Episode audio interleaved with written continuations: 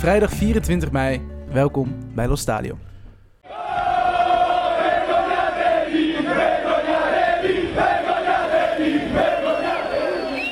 Op het moment dat de Giro d'Italia haar hoogtepunt nadert, bereikt ook de Serie A aankomend weekend zijn climax. Juventus is al lang en breed gefinished, Napoli in de chas patat. In het achtervolgende groepje met Milan, Inter en Atalanta wil niemand meer op kop rijden. Het is bovendien de vraag of Empoli, Fiorentina en Genoa de finish überhaupt halen. Frosinone en Chievo al lang afgestapt. De laatste voetbaletappe start zondagavond om half negen. Gaat dat zien. Wij zitten al 37 speeldagen klaar.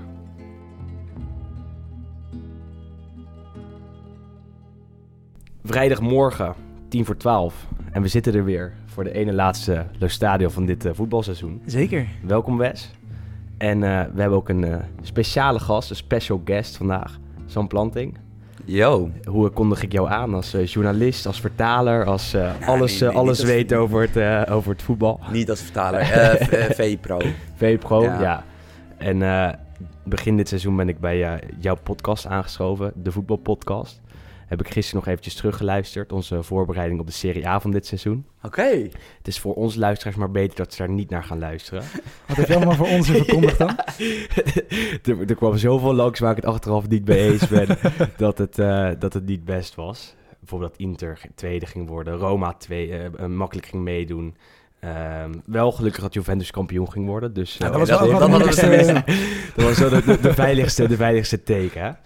Eh, zie jij veel Serie A, Sam? Ehm, voor werk enigszins, van dat ik als ik analyses maak of wat dan ook, of, of bepaalde thema-elftallen samenstel.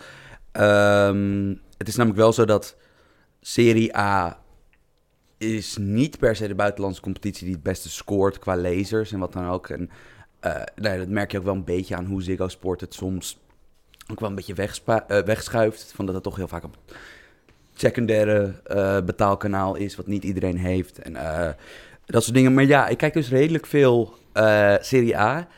Eigenlijk, ja, ik heb een bizarre hoeveelheid Juventus gekeken in die week voordat eh, Ju- Ajax-Juventus begon. Dat zag je ook wel in dat stuk. dat- Dus je de, de standaard situatie Ja. van Juventus ja, ik hebt heb, ik, had el- ik heb elke corner en elke vrije trap van Juve heb ik wel meer, meermalen eh, dat. Eh, ik heb natuurlijk gewoon het druk in de weekend. Ik moet veel kijken voor werk. Ik ben aan het schrijven, eh, noem maar, maar op. Ja. Maar ik moet wel toegeven dat eigenlijk een van de weinige buitenlandse ploegen... die ik voor mijn plezier nog wel eens kijk. Want ik bedoel, ik heb heel soms ook nog wel eens dat ik een voetbalwedstrijd kan kijken... waar ik niet echt zeg maar werkbelang bij heb. Ehm, naast Ajax, ook gewoon seizoenskaarthouder. Maar eh, ik kijk vrij vaak naar Atalanta Bergamo. omdat ik dat gewoon echt een soort van modern sprookje vind. En er is wel enigszins aandacht voor, maar ook... Ik bedoel, dat heb ik zelf ook proberen te genereren. Mhm. Ik heb volgens mij drie keer over geschreven nu dit jaar. Maar ehm, in mijn ogen nog niet genoeg. Omdat dit namelijk echt heel wonderbaarlijk is. De meest interessante ploeg van, van Italië, toch? By ja, far, en, ook, ik. en ook als je het hebt, als je nou kijkt naar de grote competities. Ik bedoel natuurlijk Ajax in de Champions League is, is natuurlijk ook een uitstekend voorbeeld. Maar ehm, ja, echt een overpresteerder. Van, zij, ze hebben een budget waarmee ze helemaal niks te zoeken hebben. Waar ze nu boven, eh, snap je, in het groepje waarin je... We staan nu derde natuurlijk. Net zoals in je mooie, in je mooie intro van in, dat, in het achtervolgende groepje. Van dat, dat is bizar. Dat, Ja. dat, ehm, ja, echt heel erg knap en heel erg mooi voetbal. Eh, op, op het punt ook om derde te worden. Als ze dit weekend winnen van Sassuolo. Ja, wat, ze wat, is het idee? Eh, Atalanta speelt tegen Sassuolo. Ja, Atalanta. Er zijn nog drie duels. Of er zijn eigenlijk drie teams eh, eh, die de Champions League in kunnen gaan. Ja, Dat Roma kun je eigenlijk afschrijven, want, Want dat is Roma- onmogelijk. Dat kan gewoon niet eigenlijk. En goed, Roma kan dus- alleen nog de Champions League in als Ja. de andere drie verliezen. Dus die kans is eh, heel klein. En dan, dan moet dus Atalanta thuis verliezen van Sassuolo. Inter thuis van Empoli. En Milan gaat uit naar Spal. En ook als zij verliezen en Roma wint van... tegen wie moet Roma dit weekend? Dan moet ik eventjes opzoeken. Roma moet tegen Parma thuis.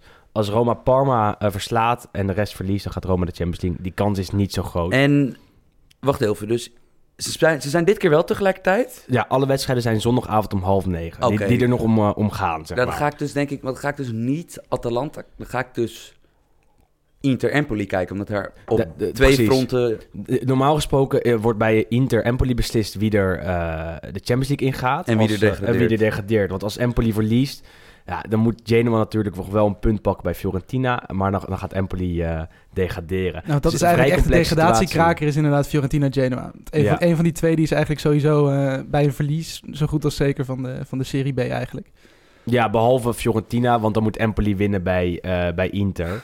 En die kans is op zich wel aanwezig. Maar wel een bizarre reeks... Ik weet niet precies waar je het beginpunt moet Mhm. trekken. Nee, Januari, maar, ja. februari. Ja, precies. Maar Fiorentina, dat is onvoorstelbaar. Dat, dan moet je in februari trekken. Sinds februari hebben ze eigenlijk niet meer gewonnen in, eh, in de Serie A. Nou, trainer Meer- eruit, trainer nieuwe trainer eruit, erin. precies. Nieuwe trainer nog nooit gewonnen. Montella, die al eerder trainer was van Fiorentina, eindigde Mhm. een paar keer vierde met ze. eh, was destijds eh, vrij succesvol. Ehm, op dit moment lukt het gewoon niet. En ehm, vraag me niet waarom. Onder Pioli draaide het ook al niet. Montella werd, werd binnengehaald als verlosser. En alsnog lukt het Fiorentina niet om ook maar één wedstrijd, gezondheid, Dankjewel. om ook maar één wedstrijd te winnen. De laatste 15 duels heeft Fiorentina niet gewonnen. Vijf 15. En maar dat is bizar, want dit is een ploeg die eigenlijk altijd... Ja, toch een beetje buiten, net buiten die top 6 verkeert, maar wel nou, dan een beetje maar voor de schoonheidsprijs moest Ja. gaan. Van, tegenover Exact. Sassuolo, tegenover... eh, Leuke spelers. eh Borja Valero, Bernardeschi, eh Chiesa op dit moment. Ilicic. Ilicic heeft er een tijd gespeeld. Was daar zich- minder goed dan bij Atalanta Ja. wel. Ja goed, kijk, het is nu natuurlijk een hele slechte reeks, maar eigenlijk in de stand valt het nog mee. En Ze staan inderdaad drie puntjes achter de nummer 10, Sassuolo. Ja, maar hoeveel, Het is ook pu- meer maar een- hoeveel punten hebben ze na, na 37 Ze wedstrijden? hebben er 40, dus dat is natuurlijk wel weinig. Maar dat is echt 20 minder dan ze normaal Ja, absoluut. gesproken- Maar inderdaad, de ploeg die daarboven staan, Parma, Cagliari, Bologna, Spal, Sassuolo, het is echt allemaal 1, 2 puntjes verschil. Dus op zich valt er nog wel mee, maar het is ook het onderling resultaat wat natuurlijk in Italië weer belangrijker is dan doelsaldo. Dus dat, daar, daar moeten ze rekening mee houden. En dat is de reden waarom zij nog kunnen degraderen. Maar wacht even, voor de, voor de goede orde. Want ik ben altijd voor iemand die met cijfers en Ja, voetbal ja, werkt, ja. raak ik altijd erg in, raak ik hiervan erg, erg in Maar de war, het is ook heel, heel complex hoor. Ehm, Atalanta. Onafhankelijk van wat Inter en Milan doen. Als Atalanta wint, zit ze in de Champions League. En bij een gelijkspel. Dan is het dus afhankelijk van wat Inter en Milan doen. Oké, Exact. dus we moeten gewoon winnen. Als Atalanta Ja. wint, maar eh, dat is ook nog het rare verhaal, want ze spelen dus thuis tegen Sassuolo. In, Alleen, ze spelen in het stadion van Sassuolo. Omdat het eigen stadion wordt verbouwd. Die tribune, de, de curva waar de harde kern zit. eh, die hele tribune is nu neergehaald. Daar komt een nieuw modern soort eh, tribune. Het waren een soort stijgers. En het wordt nu een echt voetbalstadion. Dus Sassuolo die speelt eigenlijk gewoon een extra, extra thuiswedstrijd dit seizoen. Alleen nu is het dus officieel een uitwedstrijd tegen Atalanta. Maar goed, op zich Sassuolo is natuurlijk ook niet heel goed in vorm. Nee, dat is ook wel... Het grappige is ook wel, het is zo'n team waar als je in een do-or-die wedstrijd er eentje mag uitkiezen... Dan zou ik er ook eentje uitkiezen uit het midden van de competitie... die niks meer voor- heeft om voor te spelen. En ook altijd nog een redelijk aanvallend ingestelde... eh, want ik bedoel, tegen zo'n Bologna wat dan ook... Ja, die gaan gewoon met elf man voor eigen, voor eigen goal staan. Je, je zag het bij Roma, zoals, bij Sassuolo, Sassuolo Roma van afgelopen zaterdag. Eh, toen stond het 1-1 in de 90ste minuut. Roma moest kosten wat kost winnen om nog eh, voor die Champions League te kunnen kwalificeren. Maar Sassuolo wilde ook winnen. Dus in de 90ste minuut ging Sassuolo ook gewoon nog vol aanvallen. Kreeg Roma nog een, nog een gouden kans om toch nog te winnen. Die maakte ze niet, waardoor het wel 1-1 werd. Maar ja, als je dan zo'n team moet hebben waar tegen je punten moet pakken... Nou, dan is Sassuolo, wat een echt een aanvallende ploeg heeft. eh, aanvallende trainer ook, met de Zerbi. Het is wel een leuke ploeg. tegenstander. Het is wel een soort Atalanta light eigenlijk. Alleen dan met veel minder kwaliteit. ja, nee, maar zeker goed, het zo. spelidee is wel redelijk hetzelfde natuurlijk. Ook Dus een van, de best een geleide, leuke- Ja, een van de best geleide teams van eh, Italië. Met de voorzitter Squincy. is eigenaar van Mappai, wat een heel groot bedrijf is. een lijmfabrikant. Ja, Dat weten de, wiel, de wielrenner, de wiel, wiel- wielerfans uit zeg maar de jaren 90. Ja. eh, was het ook een Mappai-ploeg toen?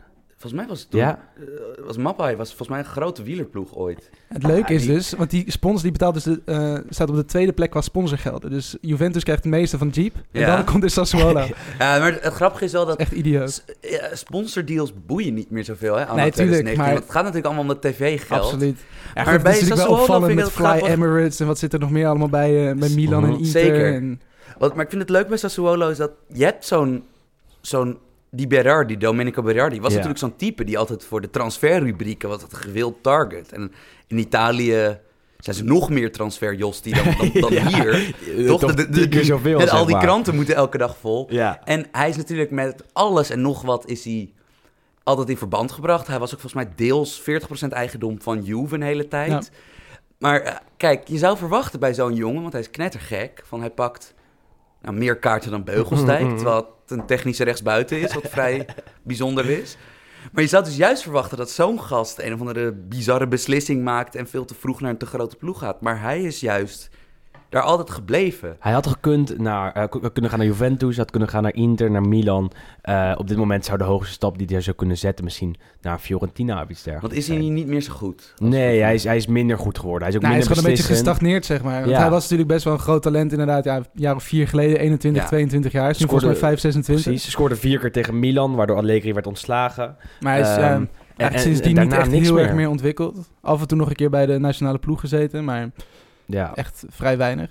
Maar goed, eigenlijk hetzelfde geldt natuurlijk, daar hebben we het al vaker over gehad, over Belotti. Dat is natuurlijk eigenlijk hetzelfde verhaal een beetje. Die is nu wel weer goed in vorm, die kan wel weer een stap maken. Maar dat is ook iemand waarvan je eigenlijk al een jaar of drie zegt van, nou, die gaat gewoon een stap maken nu. En Chiesa is ook natuurlijk, ja, Chiesa is in mijn ogen namelijk buiten dat middenveld van Italië, wat natuurlijk relatief jong is met Verratti en Jorginho en Tonali, die er ook aankomt. Chiesa de rechtsbuiten van Eh, Fiorentina natuurlijk. Ja, dat, maar Chiesa, ik weet niet of dat bijvoorbeeld, dat vind ik ook wel een scenario dat ik denk van, ja, dat is, die sporters zouden helemaal gek worden als hij nu gaat.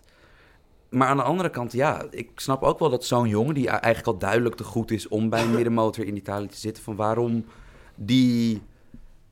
Ik zie niet helemaal waarom die zou moeten blijven. Ja, nu zeker niet, omdat Fiorentina natuurlijk zo slecht draait.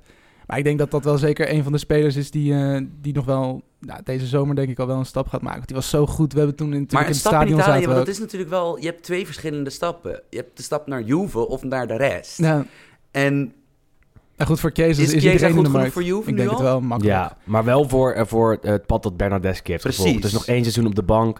Dan word je echt gevormd naar het spelbeeld dat Juve wil volgen. En het jaar daarna kan je eh, meer minuten maken. Het jaar daarna weer meer minuten Ja, maken. maar hij is echt heel goed, want hij zat toen inderdaad in februari bij Fiorentina tegen Inter op de tribune. En hij was echt fantastisch. Ja. Hij was echt zo, gewoon drive en snel en Links, technisch. links en rechts, goed schot, Echt explosief. een hele goede Zou speler. absoluut bij elke Italiaanse top, eh, topclub in de basis staan. Behalve bij Juventus. Zou Inter hem kopen, meteen in de basis. Milan, idem dito. Eh, dus daar is het enorm afwachten wat hij wil. Eh, of hij nog bij Fiorentina in de marge wil blijven schommelen. Of dat hij nog één stap wil maken binnen Italië. En dan eh, ja, daar toch een, een, een club, wil gaan, voor een club wil gaan spelen die potentieel kampioen kan worden. En Juventus kan bedreigen. En dat zijn denk ik in Napoli, Inter en eventueel Milan. En daarachter echt bijna niets eigenlijk. En het andere, de andere speler, eigenlijk, je had, je had Berardi vroeger en je hebt Chiesa nu. En de andere speler die je altijd, waar je altijd dan terug over leest, van dat hij de stap zou moeten maken van subtop naar top, is Sergej Milinkovic-Savic. En dan moeten jullie mij vertellen, want ik Waarom? krijg heel, nee, maar ik krijg heel contrasterende berichten binnen. Ik heb Ja, dit seizoen niet zoveel Lazio gekeken. Maar ik, ja, wat, ik dan, wat ik dan lees over de Serie A en ook wat ik, wat ik zie, dan denk ik van oké, deze jongen heeft een heel moeilijk seizoen na dat topseizoen van vorig jaar.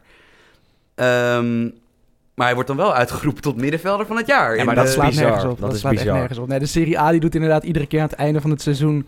eh, ja, beste keeper, beste verdediger, beste middenvelder, beste wat aanvaller, waren de MVP winnaars? en eh, De jonge keeper, de keeper was. Andanovic, verdediger was Koulibaly, middenvelder was Milinkovic-Savic en de aanvaller was Quagliarella. Beste speler overall was eh, Cristiano Ronaldo. En de jonge speler was uh, Zaniolo. Ja, Oké, maar wacht even, want de rest was nog ineens aanstootgevend. Want je, kan- je Nou, kan moeilijk zich, zeggen dat goed. Koulibaly niet goed En is. Koulibaly wel, maar ik vind is Andanovic misschien... ben ik het ook niet mee eens. Hij heeft in het begin van het seizoen was hij heel erg matig, daarna beter geworden. Maar keeper van het seizoen is dat Maar is dat? niet. Chesney of Meret Ja, ja waren Chesney, allebei heel goed. ik. Misschien zelfs Sirigu van Torino. Eh, Chesney wordt nog steeds onderschat.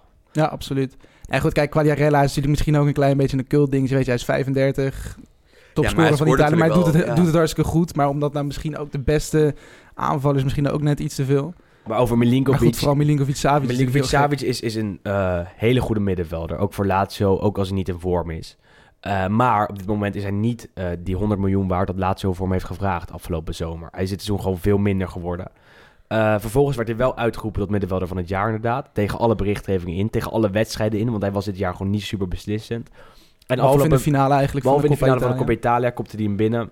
En eh, afgelopen week kwam er ook Pardoes weer het bericht dat Juve weer geïnteresseerd was. En die zou hem nu kunnen ophalen voor een bedrag veel lager dan 100 miljoen, 60 miljoen. Want dus hij kan een stap maken, maar ja.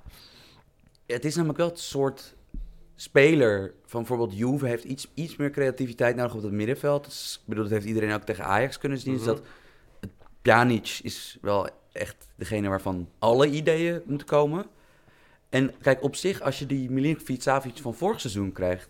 dan denk je van ja, oké, dat is wel logisch. Want Het is natuurlijk de grootst mogelijke tank. Van hij is 1, me- wat, 1,95 meter? Ja, Zoiets. gewoon heel lang heel, heel, en toch heel technisch. Ja, en ook wel gemeen natuurlijk. Mhm. Ja, dat, nou ja, het laatst ook iemand een kung fu trap Ja, ja. in zijn buik. Ja, ja. Maar ik vind het altijd wel interessant dat in Italië lijkt het toch altijd... Wat ook wel een beetje hint naar dat het niveau beter is dan erover wordt gedaan, is dat...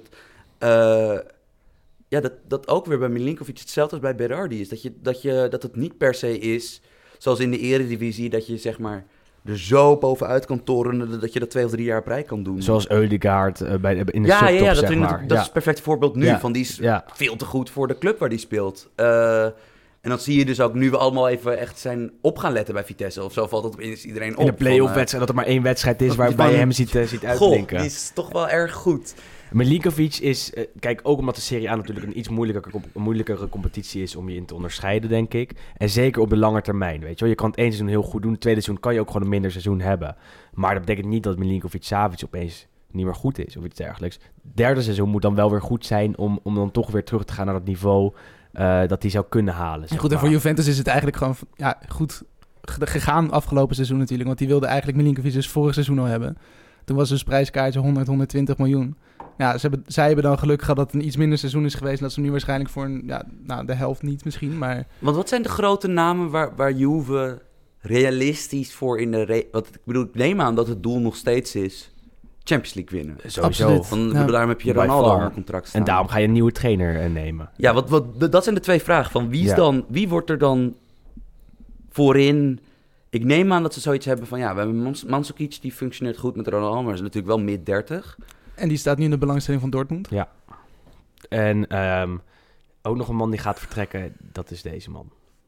Pronto al controcross, si avvicina Dybala, quadrado, vuole andare nel dribbling, ecco Dybala, si gira, prova il tiro, rete, rete, Dybala colpisce subito, Dybala mask, Juventus stadio impazzito, Juve in vantaggio. Ja, want ook eh, Paulo Dybala vertrekt mogelijk bij Juventus. Hebben wij wel eens discussies over. Ja, ik heb hem lang verdedigd. Maar jij had hier toch... Want jij, jij was al redelijk fel... Jij kijkt natuurlijk ook wel nog meer Juve dan ik. En Ja, Jij was wel redelijk fel op hem. Terwijl ik had altijd wel zoiets... Ja, kijk, luister. Van, dit is wel een speler die op zo'n jonge leeftijd... al zo gepresteerd heeft in de Europese top. Ik bedoel, hij was ook... Weet ik nog tegen. Barcelona, wat we net hebben gehoord. Louis. Luis Enrique heeft hij nog naar huis geschoten Ja, toen. exact, exact. Maar dit is natuurlijk, ja, er was duidelijk iets aan de hand dit jaar. Van dat hij het niet meer kon vinden met, met Allegri of met medespelers. Dat hij in Allebei, die nieuwe, in die nieuwe rol eh, werd hij eh, ja, voorbijgestreept door Bernardeschi, die supergoed is. Maar laten we eerlijk zijn, ik bedoel, Ja, die Bala heeft wel echt iets speciaals. tuurlijk. Vond ik bedoel, dat Minder van de buitenklasse, Bernardeschi. En ik ben dus wel benieuwd wat er dan bij Juve bij komt. Want ik bedoel, kijk, als een club de Champions League wil winnen, dan ga je ook al... Bijvoorbeeld zo'n Milinkovic Savic op het middenveld erbij, prima. Maar als je de Champions League wil winnen, dan zit je toch alweer altijd in dat, dat vijvertje van ja, max 10 mensen of zo... die je dan er- Nou, er echt zou moeten halen van die... Eén naam die daar echt voor wordt genoemd is Paul Pogba. Dat schijnt ook wel echt eh, te kunnen Aha. gebeuren. Ehm, Pogba wil natuurlijk weg bij Manchester Was, United. is hij geliefd in Turijn? En, Ja, eh, absoluut. ja. 100% is nog wel eens... toen hij met Manchester United terug was, deze Champions League eh, eh, eh, poolfase... eh, toen werd hij ook heel erg eh, beapplaudisseerd door de fans van Juventus. Warm welkom. En als hij Ja, weg goed, die wil bij United... die gaan al heel lang. En dan Ja. was dus afgelopen weekend was hij op het afscheidsfeestje van Barzagli. En op het titelfeestje van Juve. Ja. eh, sowieso was hij ingevlogen. Dus dat is natuurlijk ook alweer... Als er dan weer een foto daarvan voorbij komt... dan is het natuurlijk alweer de...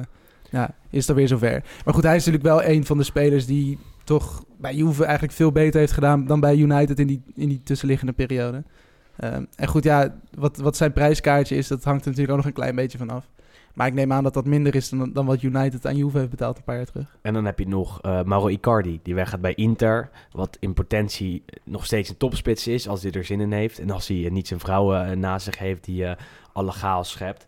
Zou hij ook bij Die Juventus trouwens natuurlijk... top. Die top. Ja, nee, maar dan ben ik serieus. Ja, ik bedoel, kijk, luister. Altijd leven in de brouwerij. Het is niet normaal, joh. Ja, behalve als je Idrissa bent. Dat afgelopen weekend scoorde Icardi weer tegen Napoli.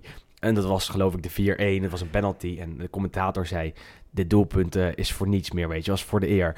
Wanda maakt een filmpje. Wat, wat zeg je nou? Wat de fuck? eh, eh, dit is dan gewoon een eh, goed doelpunt, dit en dat.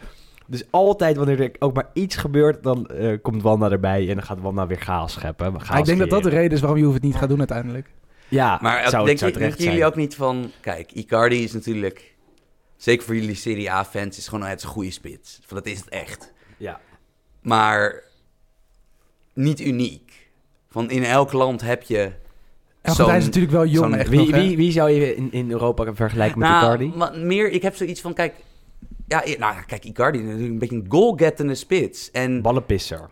Precies. Van, en, en eh, nou ja, ik bedoel, ja, je, had- je hebt ook Paco Alcacer of zo bij, bij Borussia Dortmund. Of, eh, ja, maar als je Icardi met Paco Alcacer gaat vergelijken, Nou. dan is Icardi wel van een ander niveau en, en, Ja, maar stuk aan de andere kant, als je, als je hem met de, zeg maar, de elite van, als je hem zeg maar, met het elite groepje spits gaat vergelijken, denk je, ja, dat is hij ook. Want hij is niet zo goed als Lewandowski, Nee. Cavani, eh Aubameyang, Lacazette. Van, Maar dat kan hij wel worden. De- hij, hij is af en toe heeft hij van die periodes dat hij elke kans die hij krijgt afmaakt. Maar denken jullie dat een ballenpis... Want jij gebruikt eigenlijk het woord waar ik, waar, waar ik drie zinnen voor nodig had om er naartoe te Ja, durven ja, gaan. ja. Het is een ballenpis. Ja, Niks mis mee, was ik vroeger ook. ja. Maar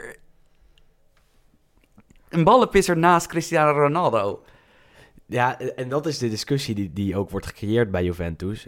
Kijk, Juve was dit seizoen een stuk minder goed dan de afgelopen jaren. Ja. En dat wordt dan eh, geanalyseerd. En sommige mensen zeggen ook, Juve staat nu te veel in dienst van Cristiano Ronaldo. Het andere, de andere tien spelers moeten te veel werken om eh, nou ja, Cristiano, eh, Cristiano Ronaldo in staat te stellen om zijn werk te doen. Om zijn doelpunten te maken, om zijn kwaliteiten te tonen. En daar zit natuurlijk deels wat in. Als je dan nog een speler erbij hebt die eigenlijk niet binnen, perfect binnen het elftal past, dus Icardi zou dat dan eh, bijvoorbeeld zijn in de spits, dan heb je dus eigenlijk negen spelers die eh, het, het niet-werk van de andere twee spelers moeten, moeten herstellen. En dat goed, kijk, de spelers veel. die inderdaad een Juve moeten hebben... zijn gewoon creatieve jongens die kansen creëren. Ja, En niet per se inderdaad spelers waarvan... Ja, waar de ballen naartoe moeten. Want dat, kijk, die spelers die hebben ze natuurlijk ook... Ronaldo werkt ook op die manier. maar die Mandzukic werkt ook op niets, die manier. precies. Eh, goed, je moet juist inderdaad een beetje creativiteit hebben. En dat mis je natuurlijk heel erg. En zeker ook omdat Pjanic wordt ook weer aangetrokken door Paris. Dus als die ook nog eens weggaat die, gaat, die gaat echt naar... Nou ja, goed. Hij, spe- hij zit ook al een paar jaar echt wel in het... Gewoon sowieso natuurlijk de top van, eh, van Juventus, top van Italië. En het is, is al langer dat er inderdaad grotere clubs ook nog uit het buitenland aan hem trekken. En hij heeft nu ook onlangs in Frankrijk... Want hij is natuurlijk ook... Wat is het? Luxemburg Ja. eh, heeft hij nog eventjes voor gespeeld. En bij Mets. Was hij bij L'Equipe volgens mij een heel groot eh, eh, interview ook... Of ergens op televisie... Dat hij inderdaad zei van... Ja, op zich, ik wil nog wel een keer een stap maken. En goed, vorig seizoen was dat natuurlijk ook al het geval. En eh, toen is hij gebleven. Dus ik denk als Paris inderdaad nu met een mooi contract komt... Dan ben je misschien ook Pjanic nog kwijt. En dan moet je inderdaad echt iets hebben wat erachter zit. Want dat, kijk, jij hebt het nu over Parijs. En dat vond ik een heel interessant ding. Wat ik volgens mij in geen enkel Nederlandstalig stuk is het ook, is het, is het ook behandeld. In welke krant of meer. Ook, ook volgens mij ook niet bij ons bij VI. Dat eh, er gaan geruchten in zowel Frankrijk als Italië. Dat El Gelaifi, die, die, die sheik van. eh nou, het is geen sheik, maar ja, maar Ja. inderdaad, de geldschieter van Ja, Paris. exact. Die trouwens nu toevalligerwijs gisteren, nou niet toevalligerwijs, Heel gisteren verrassend is beschuldigd officieel van de aanval van corruptie is aangeklaagd. Ja, ja, ja. Ehm, dat die schijnt na de zoveelste deceptie voor Paris Saint-Germain te hebben gezegd van... nou, we kopen nog wel een club. Gaan we misschien kijken of het daar wat makkelijker gaat dan eh, in deze Franse competitie... waar kennelijk toch, snap je, de, het gat tussen de League 1 en wat je in de Champions League Mhm. moet brengen. En dan wordt Roma, heet het genoemd. Maar dat, Ja. dat, is meer omdat bij Roma bestuurlijke chaos is Ja. en eh, die Amerikaan Palotta het daar niet goed leidt. ja, Maar als je Wat ik trouwens opmerkelijk vind, want ik kom natuurlijk zelf ook uit de Amerikaanse Mhm. sportwereld. Ja. En ja, hij komt van een groep. Hij was er wel, hij maakte deel uit van een groep sportbestuurders daar, die zeg maar achter de Boston Celtics, achter de Boston Red Sox zaten. Daar was hij uitstekend. En ook toen hij hier toen hij naar Italië toe kwam om, om dat bij voetbal te doen en Monchi haalde, dacht ik van wauw, oké. Nou ja, je haalde die Francesco, wat op dat moment gold als een, als een goede trainer. Nog steeds wel natuurlijk, denk ik. Ja, Iets ik heb- minder, ik maar... ben wel een beetje geschrokken op tactisch vlak. Ja, ja, een ja. saai- lang saai verhaal. Maar eh, ja, dit is wel een puinhoop. Zeker, maar Wat- eh, eh, het punt is dat Roma altijd een chaotische club is geweest. De fans die zitten er dik op. Eh, de verwachtingen voor Roma zijn veel te hoog voor wat er eigenlijk kan worden Dan denk je dat, ze, dat zij de weer verleiding kunnen weerstaan als er een Qatars en convoy Ik denk het je, niet. voor de deur staat die en gaan zegt, we nee, krijgen, nee, jullie krijgen een half miljard. gewoon doen. Nee, die gaan het gewoon doen. Ja, als, als er inderdaad iemand komt, maar het is nu ook gewoon echt die haat op Palotta. Want dat is echt niet normaal. Echt overal, niet alleen in Italië en in Rome zelf, maar zelfs in Amerika en New York zijn al spandoeken van de local Italians geweest die eh Exact. Palotta naar huis willen sturen. En, en de, de beschuldiging is dat hij de club leidt vanuit Boston, vanuit Amerika. Niet vaak genoeg in Rome is, niet vaak genoeg de club zelf ziet. En niet genoeg binding creëert met de spelers, met de fans eh, en met de managers. Eh, en, en dat is een beschuldiging die best wel eh, reëel is. Die best wel, eh, die best wel eh, eh, hoe heet het, draagvlak heeft En onder de zijn assistent is en Baldini en die mensen. zit in Londen. Ja, Dus eigenlijk wordt de club geleid ja, Dat- dat zag je nu ook een paar met- honderd kilometer verderop. Dat zag je met de beslissing om niet een nieuw contract te geven aan Daniele De Rossi. Iedereen binnen de club, iedereen die in Rome was, eh, bijna iedereen, die was van mening dat Daniele De Rossi een nieuw contract moest krijgen. Maar dit is, Maldini echt, in het- Londen dit is en toch echt het niveau van dat. Dirk Kuyt had gezegd bij Feyenoord... ik wil nog een jaar doorgaan. Ja. En dat Feyenoord zei, nee, hoeft niet. Ja, Toch, dat was toch echt qua ja. populariteit... Nou, Ja, maar misschien absoluut. nog wel extreem. Dit is, dit is de man, eigenlijk nog. Ja, dit is de man die Rome eh representeert. Het goede, zeg Kuit is natuurlijk nog weggegaan tussendoor. En de Ja. Rossi speelt inderdaad gewoon 16 seizoenen aan één To, stuk. to be fair, ik heb Roma denk ik dit jaar vier, vijf keer gezien. En ook niet en een paar keer dat de Rossi maar- nog meedeed, was het wel... Ja, goed. dit was ooit een van mijn echt wel dat favoriete er sleet op spelers. zit, hoor, dat absoluut. Maar dat- af en toe was er een paasje dat je dacht van ja, kijk, hij heeft Maar het wel nog. Het punt is dat hij heeft aangegeven dat hij geen moeilijkheden zou schoppen als hij niet eh, zou spelen. Dat hij in de kleedkamer nog belangrijk was. En dat hij dan met liefde op de bank had willen plaatsnemen. En dat moet je hebben. Dirk Kuyt was nooit met liefde op de bank gaan Nee. bij Feyenoord. De Rossi dat is heeft toch het ook- wel gezegd. Maar dat, dit vind ik interessant. Ik had het hier laatst ook over met een paar collega's, een paar vrienden. Ehm, dat ik ben toch altijd heel benieuwd naar jullie verklaring. Dat in Italië, bijvoorbeeld in Nederland, als je al die selecties kijkt, zitten altijd wel een paar 30-plussers bij. Maar 33-plussers wordt al een moeilijk verhaal. Ja. Laat staan 5 of 36-plussers. In Italië heb je bijvoorbeeld sommige ploegen, bijvoorbeeld Spal verrast nu heel erg met de tiende plek. ja. Met een ploeg met uitsluitend 30-plussers. En Quagliarella is wat? 5, 36. Ja, 5, 36, en speelt zijn beste seizoen in zijn carrière. Van, wat zijn hier... Ik, bedoel, ik kan wel een beetje gissen naar wat er... Maar zijn er hier enigszins verklaringen voor? Van, wordt daar zelf al wel eens iets over gezegd? Van waarom, waarom lijken die... Lijkt het...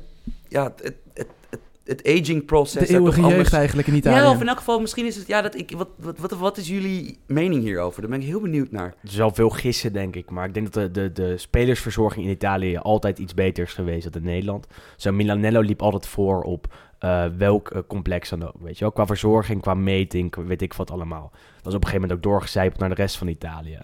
Eh, daarnaast ligt het tempo in de Serie A natuurlijk niet super hoog. Kan je makkelijker als iets oudere speler, kan je toch nog wel echt wel mee. Eh Quagliarella speelt in een team Sampdoria dat wel een redelijk hoog tempo hanteert. Eh, maar alsnog kan hij makkelijk mee, omdat hij altijd in zijn carrière goed zijn lichaam heeft verzorgd. Nooit echt zwaar geblesseerd is geweest. Ehm, maar ja, daarnaast wordt het wel veel gissen. Wat ja, het is natuurlijk ook wel een klein beetje een cultuurdingetje. Want is het ook niet inderdaad een cultuurding dat, Ja, dat, ook wel. Die is jongens zo denken van... sowieso- ja, ik krijg heel erg veel geld om te voetballen. Nee, moet, maar dat ik dat- moet doorgaan tot ze tegen me zeggen... Ja. je mag niet meer zeker natuurlijk hoe zuidelijker die gasten waar die vandaan komen. Natuurlijk Quagliarella uit de buurt van Napoli. Die heeft natuurlijk sowieso ook nou, niet opgegroeid in armoede natuurlijk. Maar je merkt wel echt gewoon een verschil natuurlijk tussen het echte Westen, Westen, het rijke Westen en het, eh, ja, zeg maar echt het mediterrane. Eh, en het is natuurlijk ook wel, er zijn heel weinig echt Italiaanse voetballers die hun lichaam slecht verzorgen. Goed, je hebt natuurlijk altijd de Balotelli's en de Cassano's en, de, en dat soort types ertussen zitten. Eh, maar je weet ook gewoon, als je in Nederland 35 plus bent en je voetbalt nog, dan word je gewoon gezien als de opa en toch ook gelijk makkelijke schandpaal, zeg maar. Terwijl je in Italië, als je gewoon goed presteert op die leeftijd, dan ben je juist de senator. Dan ben je de grote man in de hele competitie, de grote man van de club. En dat is natuurlijk ook wel een iets andere status. En dat Maar- helpt ook natuurlijk wel een klein beetje, misschien mentaal onderbewust Je mee. ziet het nu ook bij, bij Ajax toch, met Huntelaar. Huntelaar maakt gewoon nog 15 doelpunten in de Serie A. Dat is wel een vergelijkbaar proces met Quagliarella, denk ik. Ja, maar bijvoorbeeld Barzali, die gewoon... Op zijn 38ste. Ja, en Ja. ik bedoel, die, laten we eerlijk zijn, nog drie, vier jaar geleden was dat een van de wat, vijf beste centrumverdedigers ter Zeker, wereld. 100% zeker. Ja. Maar dat die inderdaad ook... Die zit à la Huntelaar een seizoen op de bank. Maar het verschil is wel, kijk, Huntelaar wordt er ingewisseld. ja. En als Dolberg een tijdje kut speelt, is staat Huntelaar opeens in de basis. Terwijl ja, zo'n Barzali, die mag dan nog twee of drie irre- irre- irrelevante potjes een half Ja, goed, die was natuurlijk ook geblesseerd dit hele seizoen. Nee, bijna. natuurlijk. Maar ik vind Ja. dan wel van... Toch, van, dit is nu wel twee jaar dat hij echt geen rol van betekenis meer heeft. Zeker nu ze ook met twee, met twee centrale verdedigers zijn gaan spelen. En ik ben ook benieuwd of een gemiddelde veteraan in Nederland... die dus ooit de beste van dat team was... dat die dan nog bereid is... Ja, ik, ik, Het, is, het is moeilijk. Het is heel veel gissen, denk ik. Heel veel giswerk dat je niet weet eh, wat er allemaal speelt. Want zo'n De Rossi kan dus ook belangrijk zijn. in- en het is een cliché, maar wel belangrijk zijn in de kleedkamer. Hetzelfde geldt voor Barzali, die nu een assistent-trainer gaat worden. Misschien wel van Antio- Antonio Conte bij Inter. Ehm, dus dit zijn mannen die vanuit eh, de spelerscarrière doorgroeien naar een trainersloopbaan. Eh, en dat kan ook vanuit de kleedkamer, zeg maar. Denken jullie dat Juve baalt over, met de timing, wanneer ze toch niet door zijn gegaan met Allegri? Denk je dat ze Conte niet gewoon terug hadden willen hebben? Nou, hij was een van de grote kandidaten. En goed, Chiellini gaf, eh, ik denk volgens mij komt hij vanochtend, eh, stond hij in de Italiaanse kranten, groot interview ook van ja, ik weet zeker dat Juve een goede trainer gaat krijgen. Maar goed, dat Conte die kant op gaat, doet wel pijn. En ik hoop dat hij nooit, nooit gaat winnen. Want goed, dat, het, heel veel fans nemen het Conte ook een klein beetje kwalijk. Want je hebt natuurlijk, ja, Inter en Juve, is natuurlijk wel echt eh, ja, haat en nijd ongeveer. Ja, Conte gaf in het verleden, toen hij nog trainer was van Juve, gaf hij aan dat hij niet onwelwillend zou staan tegenover een potentiële carrière bij Milan of bij Inter of bij wat, wat ik veel wat voor club in Italië. Eh, aanstaande dinsdag wordt hij waarschijnlijk aangekondigd als nieuwe trainer van Inter. Dus hij heeft toch wel altijd in zijn loopbaan eh, altijd de optie opengehouden om bij een andere Italiaanse topclub aan de slag te gaan. En dat gaat nu gebeuren waarschijnlijk. En dat doet wel echt pijn hoor, bij, eh, bij Juve toch? Ja, nee, absoluut. Maar hij is gewoon echt een clubspeler daar geweest. Hij heeft natuurlijk lang gespeeld. Trainer geweest, succesvol trainer geweest. Toch op een niet echt lekkere manier toen eruit gegaan. Maar goed, de hoop was inderdaad dat hij dan in ieder geval niet naar Inter zou gaan. Maar ja, achteraf... eh, want hij stond inderdaad wel echt gewoon in de kranten. Bij de boekjes stond hij best wel hoog. Inderdaad ook om Allegri nu, op te gaan wat, wat volgen. is nu het idee bij- bij Juve? Van wat is dan... Ja, er zijn nog steeds wel, ik denk vier... Daar zijn heel veel verhalen ja, nou ja, goed. Er zijn vier namen denk ik die nu nog echt in de running zijn. Eh, Guardiola. Ja, laten we beginnen met Guardiola. Gisteren, eh, of eergisteren was het eh, persbureau AGI in eh, de AGI in eh, Italië. Die heeft gezegd van, nou, Guardiola komt. Ja, Het is klaar. 24, 24 Dat miljoen is per jaar. heel raar. Hij gaat tekenen. ik kreeg van een collega gisteren, van een goede vriend van me, die stuurde ook van een screenshot van Italiaanse bookmakers, waar je nog maar twee keer je geld krijgt als eh, je inzet op Guardiola. Ik wil prima een weddenschap aangaan met, met, met jullie, met Ik durf dat- luisteraars. ik- ja. ik, ik durf dat echt wel te doen, dat Guardiola niet de nieuwe trainer van Nee, Juventus dat denk wordt. ik dat ook. kan denk ik ook Want, ik bedoel, Ja. luister, eh, Guardiola is een echte winnaar. Gewoon, snap je, iemand die natuurlijk ook begrijpt dat het publiek vermaakt wil worden, maar als je kijkt natuurlijk van hoe mega, of ja, hoe monomaan bedoel ik, hij met zijn sport bezig is. Hij wint dit jaar in City, met City alles in de eigen competitie. Dus de Community Shield, League Cup, FA Cup en Premier League. En weer is het in de Champions League dat, ja, ik bedoel, En Aguero, Aguero Ja. stond een teentje buitenspel, half teentje. Terwijl Willem eh, aan het, aan met het de microfoon aan, aan het, aan het, aan het stoeien met die microfoon is. Eh, ik, ik heb zoiets van... Kijk, City is de rijkste ploeg op aarde. Of in elk geval de ploeg die het meeste te besteden heeft. Dat is iets anders, weet ik. Maar Mhm. ik zie niet helemaal waarom hij dan naar een club moet gaan... waar zeg maar, er evenveel druk... of veel meer druk staat op die Champions League Ja. winnen. Ook nog eens met zeg maar, de sterspeler van je eeuwige rivaalclub. Ja, het is gewoon een heel Ja. bijzonder verhaal. En het leuke is dus juist eigenlijk dat je nu echt gewoon in de, inderdaad in de media echt een soort kamp pro-Guardiola en een soort van anti-Guardiola. Want sommigen die zeggen echt er is 0% kans. Want wat Anderen zegt, eh, wat zegt onze scoopjager op, eh, op, eh, op Twitter? Hoe heet die? Gianluca Di Marzio. Ja, die Marcio die zegt dat het niet gaat gebeuren. Maar dat is de, de absoluut meest betrouwbare Ja, want hij is Sky Sports, ooit. Hij is Sky. Ja. Aan de andere kant heb je een man, Monblano, die heeft de hele tijd verkondigd dat Allegri zou vertrekken bij Juventus. Ja. Zij was de nummer één. De hele tijd heeft hij het volgehouden, Allegri gaat weg, Allegri gaat weg. Op het moment dat anderen zeiden, Allegri blijft aan, hij hield vol 0% kans dat Allegri blijft. En drie keer raden wat er gebeurde, Allegri ging weg. Maar aan de andere Dus kant, dat het had ik ook durf, dat Ja, had ik wel durven ja, roepen, want ja. ze zijn door Ajax uitgeschakeld Ja, in de Champions Maar- League. dat maakt hem natuurlijk wel iets geloofwaardiger En hij was dan- ook een van de eerste met eerst. Cristiano Ronaldo. Exact, dus hij heeft wel een aantal scoops gehad wat betreft Maar zijn er, is, het, is, er, is er iemand, is er een handige Harry op, eh, eh, of een handige, la- wat is een mooie voornaam met de H in het Italiaans? Ja, die- niet. die is er niet. oh, die is er niet. Maar dat, dat eh, Een handige Gianni. ja, een handige Johnny of een handige Andrea van, die even heeft gekeken of deze man ook wel eens dingen heeft geroepen die echt totaal Ja, Ja, nee, niet maar kijk, dat is natuurlijk wel het ding. Iedere Italiaanse journalist die roept ook heel veel dingen. Ja, want daarom ik zeg je eerlijk, daarom, volg ik bijvoorbeeld Tancredi. Ja, maar dat Eh, is natuurlijk ook gewoon alleen maar bullshit Ja, eigenlijk. want En die volg ik dus echt niet. Omdat ik zoiets Ja. heb van, als ik bijvoorbeeld met werk iets snel moet weten... Dan Van, moet je niet bij hem zijn. Nee, want ik bedoel, de Italianen die roepen gewoon Ja. echt, echt lijpe shit. Maar daarom is het heel erg moeilijk om eh, alles van elkaar te onderscheiden, weet je wel. Zeker met Guardiola is het nu een beetje het geval dat je de vergelijking kan trekken met eh, Cristiano Ronaldo naar Juve. Mhm. Met Bonucci van eh, Juve naar Milan. Met Higuain van Napoli naar Juve. Elke keer dacht ik aan het begin, dit gaat niet gebeuren. Dit zijn dingen die telkens weer de wereld in worden geholpen Ja. door, door journalisten die wat moeten hebben. Die wat op de voorpagina's van de kranten moeten zetten. En het gebeurde. Uiteindelijk gebeurde het wel. En het kan bij Guardiola, ik, zeg, ik denk nog steeds dat het niet gaat gebeuren. Maar ik zie hetzelfde patroon wel een beetje. Eh, Als bij die heel veel andere journalisten berichten erover, berichten erover, berichten erover. En uiteindelijk wordt het iets serieus. Misschien dat het al de hele tijd iets serieus was. Nou, en dan gebeurt het toch. En, en, en Juve is toch wel in staat om zulke soort verrassingen eh, te bewerkstelligen. En dat, dat hebben ze toch wel laten zien de afgelopen jaren. al het enige wat je kan zeggen is dat Guardiola is ook te vroeg weggegaan bij Bayern. Of eigenlijk, nou... of- Ja, te vroeg, want ook niet daar eh, het succes gehad dat hij Eh, had willen hebben. Ja, ik bedoel, hij was natuurlijk in die competitie... Dat moet trouwens wel even gezegd worden, dat daar... Wat hij met Bayern deed, was nog spectaculairder dan wat Mhm. hij met Barcelona of met City. Ehm, maar ja, als we ze zo opnoemen... Uiteraard, snap je? Kind van Barça, Bayern München, City... En dan heb je nog maar één grote competitie Exact. in Europa. Ja, ik bedoel, je kan Frankrijk mee gaan tellen, maar daar heb je maar één club. Ehm, Het in dat wel. opzicht, Het ja. kan wel. En dan het- is het zou niet zelf zo ook wel in Italië gevoetbald bij Brescia onder andere. Dus op zich, hij heeft natuurlijk ook wel iets van kennis van de, van de taal, van het land, van de cultuur een beetje. Dus op zich, dat zou natuurlijk ook wel kunnen. Hij heeft ooit gezegd dat hij in Italië aan de slag zou willen gaan. Dus ja, op zich zou het niet super gek zijn als hij op een gegeven moment bij Juventus terechtkomt. Op dit moment zou ik het nog niet zien gebeuren. Wat zijn de andere? Wat je, eh, Wesley, je had Ja, het over vier Ja, er namen. zijn er vier. De andere is Pochettino.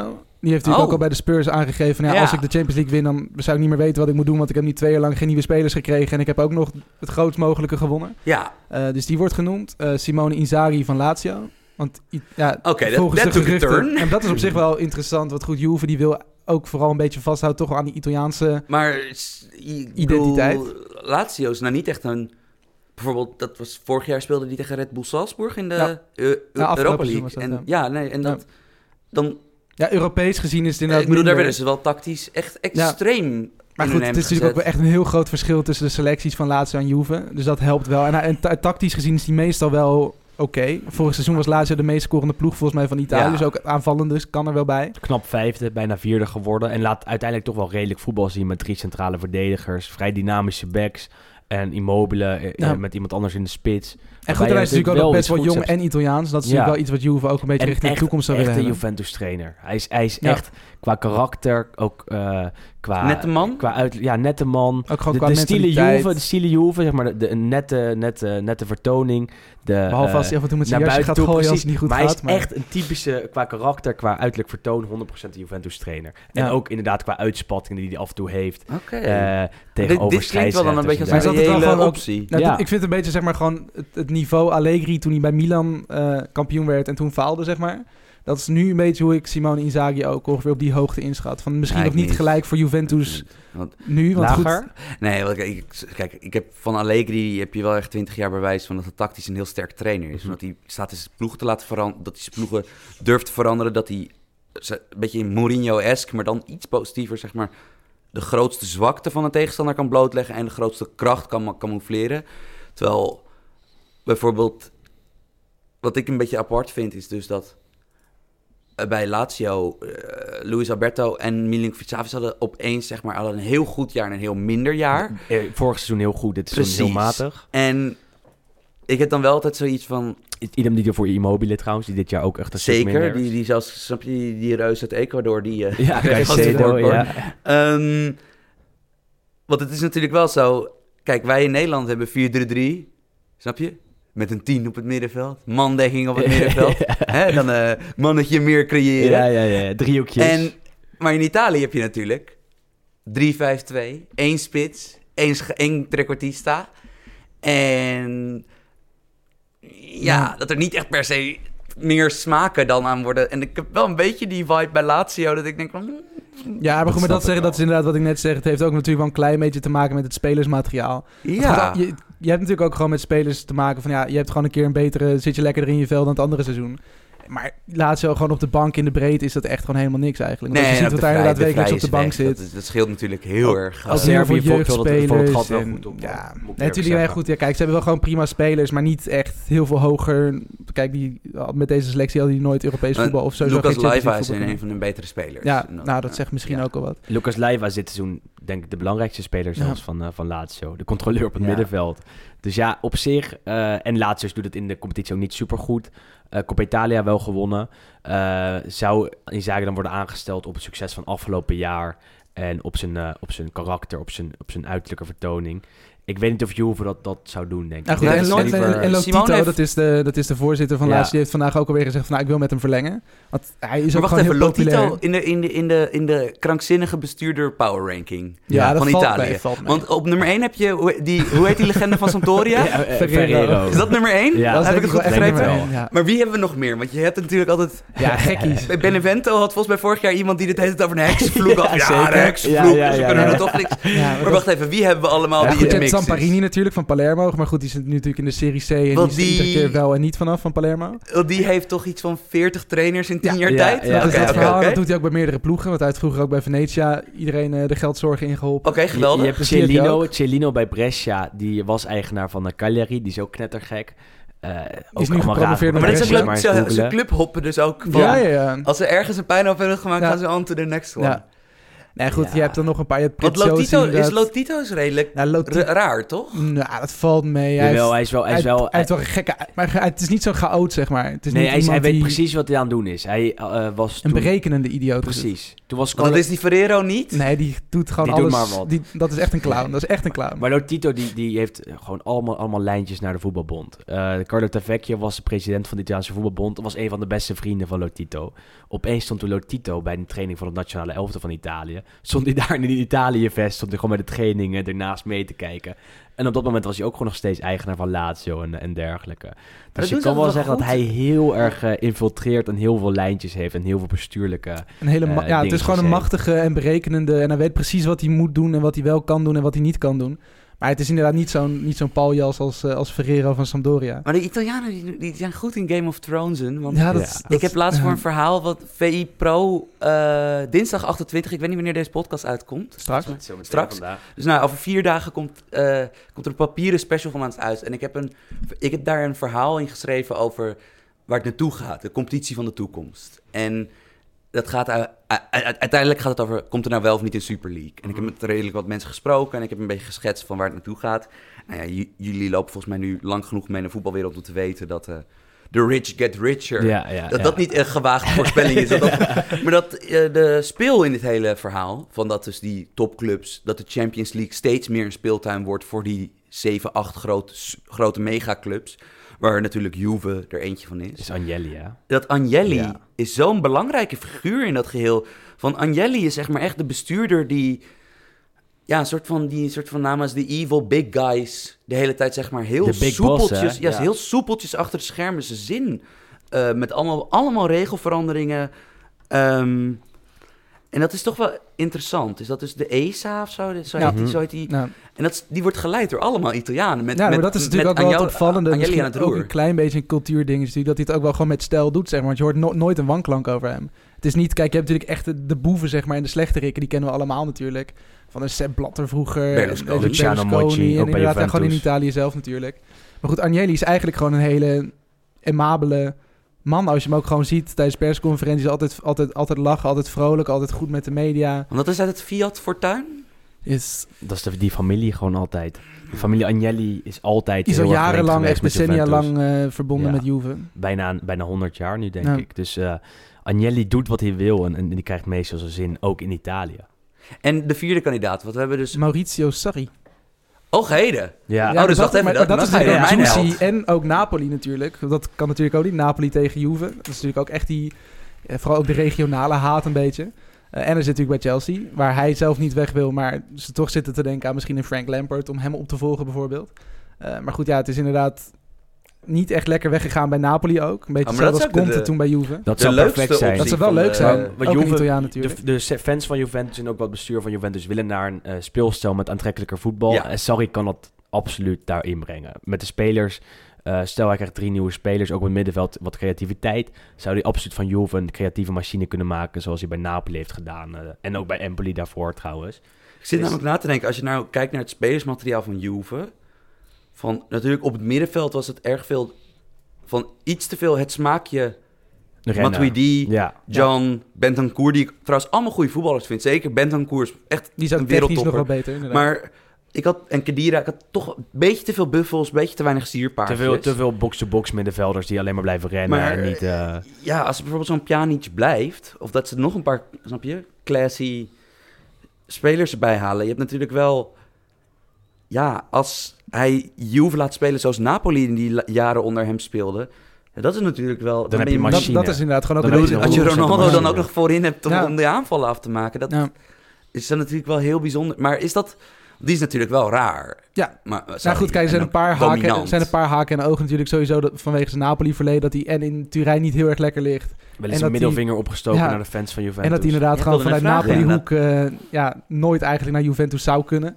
Eh, maar goed, ja, wat ik zeg, hij is, toen heeft hij ruzie gehad met De Laurentiis... die ook voor ons ook best wel hoog scoort. ja, op, oh, ja, die waren op vergeten. de index. Eh, toen ja, ruzie gehad en toen weggegaan richting Chelsea. Eh andere probleem is, hij ligt, zit gewoon nog vast bij Chelsea. Dus ze moeten sowieso een vergoeding voor hem betalen. Ergens rond de 5, 6 miljoen. Dus op Ja. zich is dat natuurlijk niet super schokkend. Mm, Maar Juve goed, heeft toch dat geld? Ook, dat, nee, maar goed, het betalen kan natuurlijk. Maar het is ook maar net of ze dat willen. En maar goed, bij- aan de andere kant, hij is natuurlijk wel een Italiaan. En dat is natuurlijk ook wel een beetje wat ze, wat ze willen eigenlijk in, eh, in Maar hij moet bij Juve wel in, in, in pak langs de lijn staan, denk ik. En niet in zijn trainingspak En zoals hij bij mag niet Napoli. roken. Ja, dan mag niet roken. Dus die, die stile Juve waar we het net over hadden, die, die, eh, dat, dat karakter naar buiten toe, weet je wel, die Ja. klasse, dat heeft Sarri absoluut niet. Dus ja, het is ook nog, maar afwachten of ze daarmee door willen gaan. Qua speelstijl, qua voetbal, qua waarschijnlijk ook succes dat hij met ze gaat boeken, zou het wel de ideale trainer zijn, denk ik. Maar wacht even, dat is de laatste vraag die ik voor jullie heb. Van, Ja, daarna gaan we nog even voorbeschouwen. ja, dat Guardiola. Er zijn dus een paar, eh, jullie zeggen dat een paar echt landelijke jongens hebben gezegd, hij komt, hij komt, punt. Ja. Heeft Maar het, zeker, heeft het echt- consequenties in Italië als dit dan niet gebeurt? Nee. Absoluut Nee, niet. Nee, maar- goed, kijk, wat, je ziet het. Het zijn zoveel journalisten die gewoon heel veel roepen. En dan komt inderdaad weer opeens Tancredi er tussendoor met zijn krak en zijn boom en zijn breking. Maar als het niet goed is, ja, er wordt niet zoveel gedaan. Maar dat is het zieke. Als dit in Nederland zou gebeuren, zoals met Valentijn Driessen natuurlijk is gebeurd, dan word je geroost. En in Italië is dat toch wel veel minder het geval. Je mag doen, je mag zeggen wat je wil. Kranten die hebben zo vaak op de voorpagina dingen gezet die niet zijn gebeurd. Eh voor de keer is Messi naar Inter geschreven. ja, ja. dat is natuurlijk niet gebeurd. En niks met die kranten gebeurd. Dat was volgens mij de Corriere dello Sport. Dus, eh, Dat wat is wel nog- uitstekend trouwens. Ja, dat een veel verkochte krant het is gewoon echt sensatie. Want kijk, wat wij natuurlijk in Nederland hebben, is een goed transfermarkt. Die begint nu ongeveer een beetje. In Italië is die iedere dag. Je hebt gewoon de Tuttosport, dat is de lokale krant van Turijn. Die heeft iedere dag heeft hij een andere speler op de voorpagina. Van dit is waar Juve nu achteraan Ja, de gaat. licht, Frenkie. Ja, eh, Echt gewoon iedere dag. Net als in Spanje natuurlijk, dat Frenkie en de licht al weken op de voorpagina's eh, De licht à la hebben Juve heeft dit jaar ook op de voorpagina gestaan, Ja. volgens mij. Dus het is schieten met hagel. En als je een keer raak hebt, ja, fijn. Dan, eh, Dan kun je daar inderdaad weer een paar jaar mee door. Af en toe heb je dan ook wel eens eh, de targets van Juventus. Dit zijn de zes namen die Juventus wil gaan halen Ja, dat deze was zomer. vorig jaar, vorig jaar las ik dat... eh, Of eh, dat was dit jaar, zag ik op Twitter iemand zeggen dat... eh, hoe, heet die voorzitter van Ju- Juve? Ehm, Ja, Paratici? Marotta had je toen. Ja, Marotta, nee, maar, Paratici. ja, Marotta. Ja. Wacht even, dat hij een servet had laten liggen in een Nee, restaurant. dat, is Ja. Par- dat is Paratici Dat was inderdaad. Paratici. Ah, Ja. pa- nou, Dat- dat is Paratici, die- opvolger. en dat hij, dat hij een servet had laten liggen in een restaurant waar je het schaduwelftal zag van de elf spelers. Maar dat die kan dat kunnen wij willen hebben. en dan zeggen dat het van Paratici was die in dit- Amsterdam was. Maar Ja. natuurlijk, als je gaat nadenken, dat Juventus is duidelijk een slimme club. Want ze hebben natuurlijk heel vaak op slingswijze de speler gekregen die ze wilden hebben. Of de competitie beslist gekregen die ze wilden hebben. Ehm, Vaak genoeg. en je kan toch bijna niet voorstellen dat een technisch directeur, dus iemand die kennelijk zo goed is, dat hij zich omhoog werkt tot de machtigste eh, technische positie Mhm. binnen Juventus.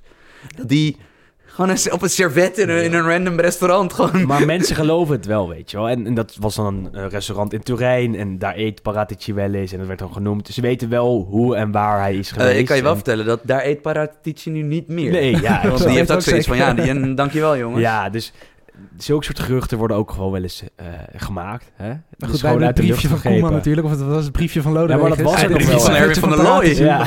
Weet je nog wel dat eh, vo- vol gas geven jongens? Ja, Hey, laten we even voorbeschouwen op het eh, aankomende weekend. Allora, Livorno-Crotone 10, Bari-Modena 11. Tesoro, è 1-0, 1-1. Scusi. Livorno-Crotone 1-0, Bari-Modena 1-1. Ja, prachtige speelronde voor de boeg. Speelronde 38. En is- allerlaatste. ja, de allerlaatste. En hierin gaat alles worden beslist. Wie gaat er de Champions League in en wie degradeert er? Eh, we hebben het al eventjes over gehad. Een paar wedstrijden die echt enorm belangrijk zijn. Naar welke kijk jij het meest uit, eh, Wes? Ja, goed, we beginnen zaterdag eventjes met de degradatiewedstrijd. Iedereen is al, eh, is al gedegradeerd, Frosinone en Chievo, dus daar gaat het niet echt meer om. Ga ik wel even voor zitten. Ja, Sam ik ben wel volgens mij benieuwd. ook. Ik hoor. ben wel benieuwd. Zeer zeker niet. En goed, zaterdagavond is Bologna-Napoli. Is ook eigenlijk, Napoli Gaat wordt tweede, Bologna is al veilig. Dus het gaat nergens om. Eh, dan hebben we zondagmiddag Torino tegen Lazio. Ja, we spelen allebei nog misschien voor die, eh, voor die Europa League plek. Maar het gaat ook wel lastig worden, omdat... eh, of tenminste, ja, Lazio sowieso niet meer. Maar Torino zou eventueel nog bij, eh, in het uiterste geval, die zesde plek kunnen doen. Maar dat gaat ook niet lukken, denk ik. Eh, Sampdoria, Juventus gaat ook nergens meer over. En dan is het inderdaad zondagavond half negen. Dan, Dan zijn er vier wedstrijden waar het eigenlijk eh, allemaal nog op het spel staat. Dan zijn we de hele zondag zenuwachtig geweest en dan gaat het eindelijk gebeuren. Ja goed, Inter-Empoli is natuurlijk jouw wedstrijd een beetje. Inter die moet winnen om eh, de Champions League te halen. Tegen Ja. Empoli wat nog moet winnen. Of in ieder geval niet moet verliezen om... En dat in absolute in goede de Serie vorm A te steekt. blijven. Afgelopen drie wedstrijden heeft Empoli gewonnen. Laat goed voetbal zien, heeft leuke spelers. En het zegt genoeg dat je als Interista moet zeggen dat je bang voor Empoli bent in het eigen San Siro. Maar ik vrees toch wel het ergste dat, eh, dat ze daar toch wel een punt kunnen pakken. Empoli eh, straks niet degradeert en Inter niet de Champions League in gaat. Wat absoluut de eigen schuld zou zijn. We hebben al een aantal matchpoints gehad tegen Atalanta, tegen Lazio, tegen Juve, weet ik veel wat allemaal, om die punten te pakken. Niet gedaan. Een van de En, laatste eh, vijf wedstrijden gewonnen. Ja, Zegt en genoeg, het, denk ik. het zit er hard aan te komen dat het niet gaat gebeuren. Ehm, en het is uiteindelijk toch weer die laatste speelronde waar het op aankomt. Net zoals vorig jaar. Toen was het in een direct duel Lazio-Inter. Kopbal van Vecino, waardoor eh, Inter wel de Champions League in ging. Ja, het is echt genoeg dat het weer op die laatste speelronde aankomt. goed, het andere Milanese broertje speelt uit bij Spal. Dat is een beetje hetzelfde verhaal. Spal ook redelijk in vorm. En goed, ja, Milan eh, in uitwedstrijden is ook niet alles dit seizoen. En die moet inderdaad ook winnen. En dan hopen dat, eh, dat Atalanta bijvoorbeeld of Inter inderdaad niet wint. Dan gaat Milan nog rechtstreeks de Champions League in. Dus dat, daar gaat het ook nog om. Ehm, dan hebben we verder natuurlijk Atalanta Sassuolo, hebben we het al even over gehad. Als Atalanta wint, dan zitten ze ook, wordt, zijn ze zelfs gegarandeerd derde. En eh, spelen ze ook voor het eerst in de historie Champions League voetbal. Dat is natuurlijk ook mooi. En dan inderdaad is het Fiorentina Genoa. Daar ga, ik- die ga ik ook echt wel kijken. Want het zijn toch twee gewoon echt Serie A clubs. En één van de twee kan, eh, kan er zomaar uit liggen. Wat hoop Jullie- jij, Weten jullie wat eh, Ziggo Sport uitzendt? Ja, ehm, Inter, Milan en Atalanta. Dus de Champions League Alle drie, alle keurig. Ja, terecht. Ik, ga, ik zit even na te denken. Ik heb namelijk dienst op, eh, eh, op, op zondag. Dus heel misschien ga ik hier wel iets mee doen. Dat weet ik nog Mhm. niet zeker. Want misschien hebben we verhalen die prioriteit... eh, Ja, ehm, ga je kijken? Nou, dat sowieso. Want ik zit, ik zit dus sowieso... Ik zit ongeveer waar jij nu zit. Mhm. We- we- Willem en ik zitten vier meter van elkaar in een af, afkikstudio. Van, ik zit ongeveer op die afstand van een muur met zes schermen. Dus ik zal alle drie de wedstrijden... eh, maar ik denk dat ik op mijn computer... dat ik dan ja, of Atalanta of Inter op ga zetten. Voor het Eh, voetbal zou ik Atalanta kiezen. Ik denk niet dat Nou Inter ja, eh, maar ik, voetbal ik gaat dus- zien. ja, maar je moet dus wel kijken van wat, is, wat, wat dan waar het naartoe... wat eh, er spanning is, waar, hè? waar- Ja. waarin het uitmondt. Maar ik ga even na- nadenken van, ik weet dus niet of dat... Maar eh, ik bedoel, het zou natuurlijk... Atalanta wat dat Champions League haalt, is natuurlijk wel... Historisch Ja, eigenlijk. en ook als je kijkt naar de rol, rol van de eredivisie-spelers daarbij... Ja. dat zijn toch niet de jongens die we ooit in deze top... Nee, Hatenboer en de Ro natuurlijk. Die vanuit En Goossens. En Goossens natuurlijk ook via Herakles. Ja, dat is natuurlijk eh, Maar goed, het, bizar, eh, bizar qua Wat, ontwikkeling. wat nog belangrijk is om te zeggen, is dat ook drie ploegen op 66 punten gelijk kunnen eindigen. Nummer 3, nummer 4, nummer 5. In dat geval gaat ook het onderling resultaat boven het doelsaldo. En dan heb je een soort klassementje tussen de drie ploegen. Dus als je dan Inter, eh, Roma en Atalanta bijvoorbeeld hebt, die alle drie op 66 punten eindigen, Nee, maar dan maak heb nu, je een onderling het nu te klassementje. ingewikkeld. Maakt het ingewikkeld, want je zegt, dat Roma, je zegt dat Roma alleen nog maar ja, kan het halen gaat niet gebeuren. als de re- Nee, alle omdat- drie... omdat niemand, dat, het punt kans is, is nul. omdat Roma in die onderlinge resultaten ook bij far het slechtste resultaat heeft. Dus er is echt niet heel kans dat Roma eh, de Champions League ingaat. Maar goed, Dus het gaat Atalanta, tussen die andere Inter en Milan. En Atalanta die heeft een beter eh, onderling resultaat dan Inter, geloof ik. Maar Milan dan weer beter dit, dan dit- Atalanta. Dit, zullen we nog wel even op Twitter zeggen. Dit is denk ik te moeilijk om het nu Ja. helemaal uit te leggen. Eh, het wordt heel wiskundig als je, eh, als je het nu allemaal er tegenaan gaat gooien. Je moet alle onderlinge resultaten zeggen. Wat denk jij, Wes? Wie, wie gaat de Champions League in? Wie gaat er degraderen? Atalanta gaat sowieso. En ik denk ook Inter worden dus 3 en 4. Maar ik denk wel dat Milan wint bij Spal. En Inter Maar dus goed, ik denk dat ze gewoon inderdaad gaan... Dat zowel Atalanta als Inter als Milan als Roma... dat die alle vier winnen. Ik denk het ook. Dus dat er Ja. eigenlijk niks verandert in het klassement. Nee, Roma, eh, Roma heb ik laatst gezien. Die zijn echt wel heel erg de weg kwijt. Maar gewoon de drie die er echt nog kunnen halen. Milan, Inter en eh, Ik denk dat die het nu Atalanta. niet meer Ik denk dat die het allemaal winnen. Ja. Eh, want dat is best wel vaak zo met, eh, met de laatste speeldagen. Dat eh, als je er zeg maar statistisch naar gaat kijken... Eh, choken gebeurt niet zo vaak. Dat, eh, het kan natuurlijk... Ik bedoel, het zou Lazio natuurlijk... vorig jaar natuurlijk wel enigszins. Omdat Ja, ze die, de oh nee, laatste ja, dag maar, nog dat- maar- speelden. ja, maar dat is toch, kijk, dat is toch wel, die speelden tegen elkaar Ja, in de exact, top. en dat zijn toch ja. wel gelijkwaardige teams. Ja, maar ja, dus ja, dat ja. een de graafschapje, toch? Laten we Mhm. eerlijk Ja, zijn. Ajax ja. die een titel laat liggen op de Vijverberg. Ehm, dat gebeurt veel minder vaak dan wij vermoeden. Dat het je, je herinnert het beter, maar het gebeurt minder. Want bijvoorbeeld, als je, als je naar dit jaar naar de titelrace kijkt, inderdaad, van ja, dat dat toch iets. Bijvoorbeeld Benfica, zowel Benfica, Porto als Ajax, PSV, dat waren dan de echt nipte en, en Bayern Dortmund. Mhm. Het was toch dan, dat verloopt iets re- meer, meer regulier dan je doorgaans vermoedt. Nou, Maar ja, En goed, en inderdaad, die degradatiestrijd denk ik echt dat we afscheid gaan nemen van Genoa. zou dat erg zijn? Nee, En Genoa wordt dan dus echt een extreem kut seizoen is dat dan, want dan echt heel kut. ze, ze stonden middenmoot eigenlijk. heel Ik stond goed. er achtste op een gegeven moment. En Trainer eruit, trainer eruit, Piontek weg. Goed, weg. echt de grote Romero speler. Romero weg. gaat weg. ja, Eh Koeman gaat, neem ik aan als ze degraderen, Ja. ook ja. weg. En ook Club als ze wordt verkocht. blijven. Club Ja. wordt verkocht. Ik denk dat we die voorlopig ook eventjes niet meer terugzien Jee, op het. Maar dat zou echt verschrikkelijk zijn. Maar, Maar dan kan je wel dus- vanuit niets beginnen. Hè? Dan kan je helemaal opnieuw beginnen in de Serie Ja. B. Heb je Maar wordt dit gewaardeerd, denk je, door de Sampdoria-fans in Ja, Genua? absoluut. Vinden die dit Die schitterend? vinden dit echt heerlijk. Iemand die hier, eh, Echt die hier eh, een kolompje over heeft en die daar natuurlijk van gaat genieten. Die horen we nu. Fiorentina-Genoa is zondag een echte wedstrijd des doods. Want dat kan voor beide clubs volledig mislopen wanneer er wordt verloren. De spanning zal zeker hoog oplopen. Ze weten allebei hoe het is om te degraderen op de valreep. In 1993 zakte Fiorentina een divisie lager als gevolg van een vrije val nadat het halverwege het seizoen nog in de top 5 had gestaan en zelfs even op de tweede plaats had gebivakkeerd. Genoa degradeerde twee jaar later, terwijl het zich al veilig had gewaand en ging toen uiteindelijk in een extra degradatieduel met Piacenza ten onder. Het wordt dus billenknijpen, maar toch zal de dramatiek van het onderlinge duel op 22 november 1981 nooit overtroffen worden. Toen was Fiorentina-Genoa echt een wedstrijd van de dood. Fiorentina was koploper en speelde thuis tegen Genoa, dat net was teruggekeerd op het hoogste niveau. Vlak na rust kreeg Antonioni een goede kans, maar hij dacht de bal met zijn kop te kunnen beroeren en werd vol geraakt door de schoen van doelman Silvano Martina. Het hele stadion viel stil. Ploeggenoten grepen wanhopig naar hun hoofd. Martina zag Antonioni bewusteloos naar, naar de grond gaan en kwel uit zijn mond komen. Hij wist zeker dat hij naar een stervend mens keek. Natuurlijk renden de masseurs en artsen meteen het veld op. Er werd hartmassage gegeven en met een mond-op-mond beademing werd de aanvoerder in leven gehouden. Even later werd Antonioni met loeiende sirenes afgevoerd. De wedstrijd werd uitgespeeld, maar niemand was met zijn gedachten nog bij wat er op het veld gebeurde. Fiorentina won weliswaar, maar Florence wachtte in angst op het nieuws dat de aanvoerder van Fiorentina was overleden. Pas diep in de avond meldde een medisch bulletin dat Antonioni ondanks een schedelbasisfractuur buiten levensgevaar was. Zijn loopbaan zou zeker ten einde zijn. Maar een paar dagen later ontwaakte de speler uit een kunstmatig coma. Hij herstelde opmerkelijk snel en verliet in december het ziekenhuis. En kon zelfs al aan zijn herstel werken. Het WK 82 zou te vroeg komen, dacht men. Maar het ging allemaal zo voorspoedig dat Antonioni eind maart zijn rentree maakte.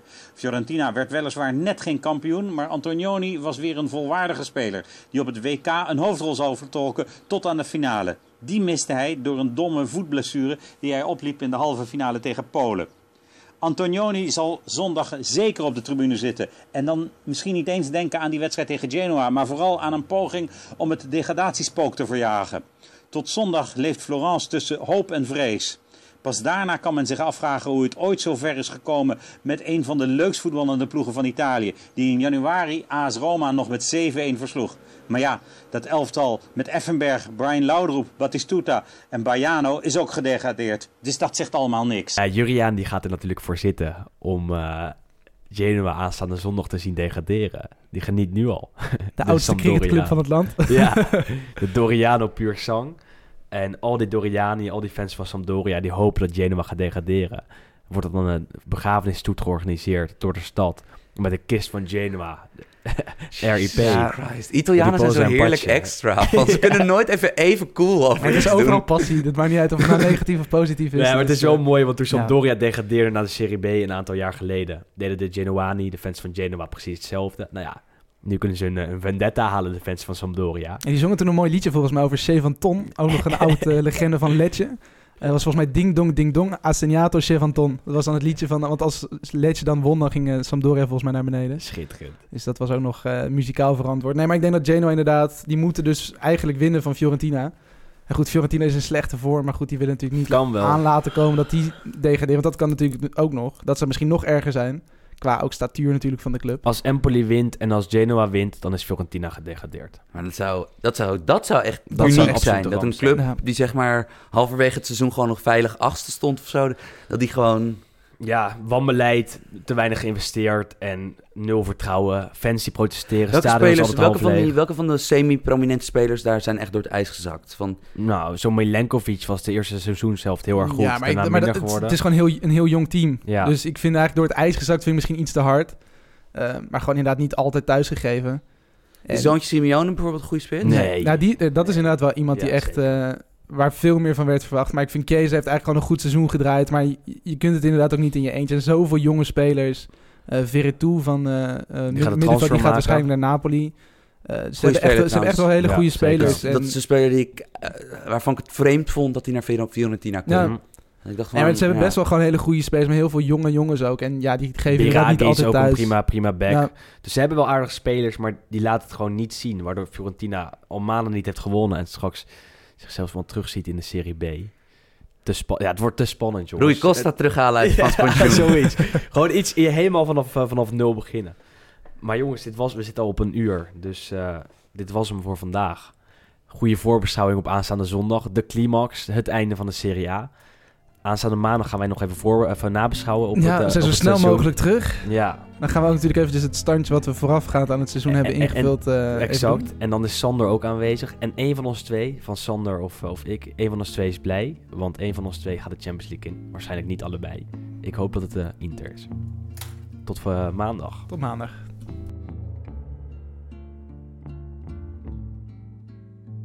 Fischia adesso Rocchi. Ci sono i blocchi nell'area di rigore. Arriva la palla, la prende Messino! La prende Messino! Che segna solo contro le romane. Segna il gol del 3 a 2.